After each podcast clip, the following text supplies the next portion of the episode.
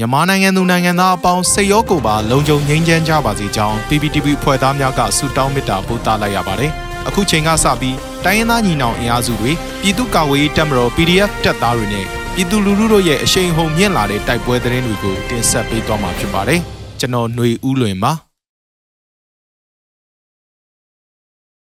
ပထမဆုံးအနေနဲ့ KNU မူထရောခရိုင်မှာမေလ15ရက်အတွင်းစစ်ကောင်စီတပ်နဲ့ KNL ကြားတိုက်ပွဲ186ကြိမ်ဖြစ်ပွားပြီးစစ်သား88ဦးသေဆုံးတဲ့တဲ့တင်တင်ဆက်မှာဖြစ်ပါတယ်။ကရင်မျိုးသားအစည်းအရုံး KNU တပ်မဟာ9နယ်မြေမူထရောဖပွန်ခရိုင်တွင်နယ်မြေကျူးကျော်လာတဲ့အကြမ်းဖက်စစ်ကောင်စီတပ်ကပိုက်ဆောင် BGF ပူးပေါင်းတပ်နဲ့ကရင်မျိုးသားလူမျိုးရေးတပ်မတော် KNL တပ်မဟာ9တပ်ရင်းတပ်ဖွဲ့များကြားမေလ1ရက်နေ့မှ15ရက်နေ့ထိတိုက်ပွဲပေါင်း186ကြိမ်ဖြစ်ပွားခဲ့ပြီး စစ်ကောင်စီဘက်မှ88ဦးသေဆုံးက68ဦးဒဏ်ရာရကြောင်း KNU မူဒရသတင်းစင်ကထုတ်ပြန်ပါတယ်။စစ်ကောင်စီရဲ့မော်တော်ယာဉ်၃စီးနဲ့စစ်ဆေးကမ်းတစ်လုံးကိုဖျက်ဆီးနိုင်ခဲ့ကြောင်းသိရှိရပြီး15ရက်တာတိုက်ပွဲများအတွင်း KNL ဘက်မှ2ဦးကြာဆုံးက2ဦးဒဏ်ရာရခဲ့ကြောင်း KNU တပ်မဟာ9ကဆိုပါတယ်။စစ်ကောင်စီတပ်နဲ့ BGF တပ်ဖွဲ့များကဒေသခံပြည်သူများနေထိုင်ရာကြေးရွာများနဲ့ဥယျာဉ်ချမ်းမြေများအတွင်းသို့လက်နက်ကြီး928ကြိမ်ပစ်ခတ်ခဲ့ကြောင်း ပြည်သူတအုပ်တေဆုံးခဲ့ပြီးရှစ်ဦးဒဏ်ရာရကြောင်းမူဒရောသတင်းစင်ကဖော်ပြပါဗျ။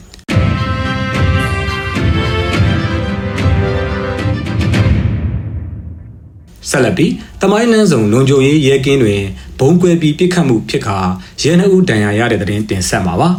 ရန်ကုန်တိုင်းမယန်းကုန်းမြို့နယ်တမိုင်းလန်းဆောင်ရှိစစ်ကောင်စီရဲ့လုံခြုံရေးရဲကင်းမှာယနေ့နနက်7:30မိနစ်ဝန်းကျင်အချိန်ဘုံပေါက်ကွဲပြီးပြစ်ခတ်မှုဖြစ်ပွားကြောင်းရဲနှုပ်ဒဏ်ရာရကြောင်းသိရှိရပါတယ်။ခီးသွွားပြည်သူတို့ကလည်းရဲတအုပ်ဒဏ်ရာအပြင်းထန်ရရှိထားပြီးလူနာတင်ကားဖြင့်တင်ဆောင်နေတာကိုမြင်တွေ့ရကြောင်းပြောဆိုပါတယ်။လက်ရှိမှာစစ်တပ်ကဘရင်အောင်အချမ်းရှစ်မိုင်အချမ်းလှဲတန်းဘက်အချမ်းနဲ့အင်းစိန်ဘက်အချမ်းကိုပိတ်ဆို့စစ်ဆေးမှုများလှုပ်ဆောင်နေတယ်လို့သိရပါတ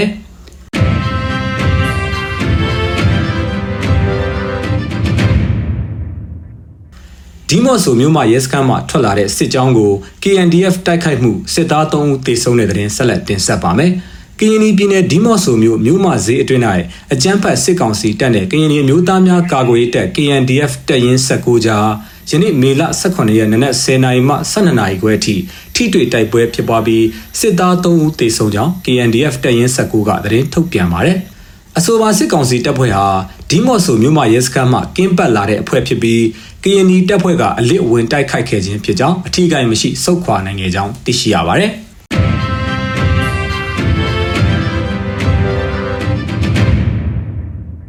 ဘီလင်းတွင်လည်းတိုက်ပွဲဖြစ်ပြီးနှစ်ဖက်အကြအဆုံးရှိတဲ့တဲ့ဆက်လက်တင်ဆက်ပါမယ်။ မွန်ပြည်နယ်ဘီလင်းမြို့အရှေ့မြောက်ဘက်ကျေးရွာများတွင်လည်းစစ်ကောင်စီတပ်နဲ့ကရင်မျိုးသားလူမျိုးရေးတပ်မတော် KNL ပူးပေါင်းတပ်ဖွဲ့ကြားယနေ့နနက်၈နာရီမှနနက်10နာရီထိထိတွေ့တိုက်ပွဲဖြစ်ပြီးနှစ်ဖက်အကြအဆုံးရှိကြောင်းသတင်းရရှိပါရယ်။ အင်အား60ခန့်ပါတဲ့အကြမ်းဖက်စစ်ကောင်စီတပ်ဖွဲ့နဲ့ KNL တပ်မဟာ1တပ်ဖွဲ့ဘီလင်ပကဖ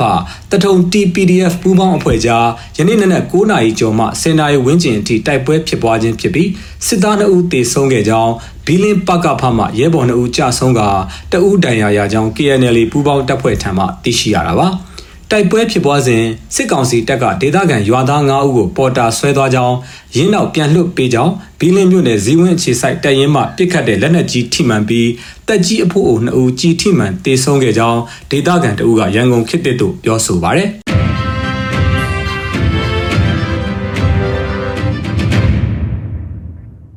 ဆက်လက်ပြီးရေမျက်နှီရဲစခန်တိုက်ခိုက်ခံရတဲ့တဲ့တင်တင်ဆက်မှာပါ မကွေးတိုင်းထီလင်းမြို့နယ်ရည်မြင့်ဒီကြေးရွာရှိအကျန်းဖတ်စစ်ကောင်စီလက်အောက်ခံနယ်မြေရဲစခန်းကိုယမနေ့မေလ16ရက်ည8:30မိနစ်မှာပြည်သူ့ကာကွယ်တပ်ဖွဲ့ထီလင်းကဝင်ရောက်တိုက်ခိုက်ခဲ့ပြီးစစ်ကောင်စီဘက်မှထိခိုက်ဒေဆုံးမှုရှိနိုင်ကြောင်း PDF ထီလင်းကသတင်းထုတ်ပြန်ပါတယ်။စကန်သိန်းတိုက်ပွဲဆင်နွှဲရန်တိုက်ခိုက်ခဲ့ကြောင်းရဲဘော်တို့ဒဏ်ရာပြင်းထန်ပြီးပြန်လည်ဆုတ်ခွာခဲ့ကြောင်း PDF ထီလင်းထံမှသိရှိရတာပါ။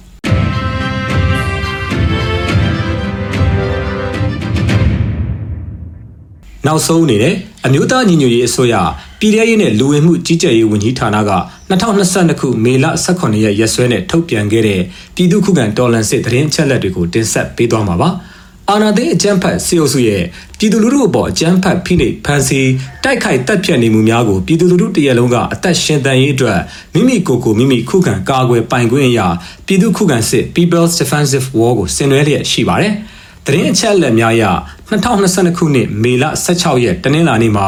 စစ်ကောင်စီတပ်ဖွဲ့ဝင်68ဦးသေဆုံးပြီးထိခိုက်ဒဏ်ရာရရှိသူ14ဦးအထိခုခံတိုက်ခိုက်နိုင်ခဲ့ပါတယ်။စစ်အာဏာရှင်စနစ်မြမအမည်ပေါ်မှာအပြည့်တိုင်ချုပ်ငင်းရင်းနဲ့ Federal Democracy တည်ဆောက်ရေးအတွက်ငင်းချမ်းစွာဆန္ဒပြတဲ့လူထုတပိတ်တိုက်ပွဲများကပြည်내နဲ့တိုင်းဒေသကြီးများမှာဆက်လက်ဖြစ်ပွားပေါ်ပေါက်လျက်ရှိပါတယ်။မြေပြင်မှာတော့ယခုတွေ့ရတဲ့သတင်းချက်လက်များထက်ပို၍ဖြစ်ပွားနိုင်ပါတယ်ခင်ဗျာ။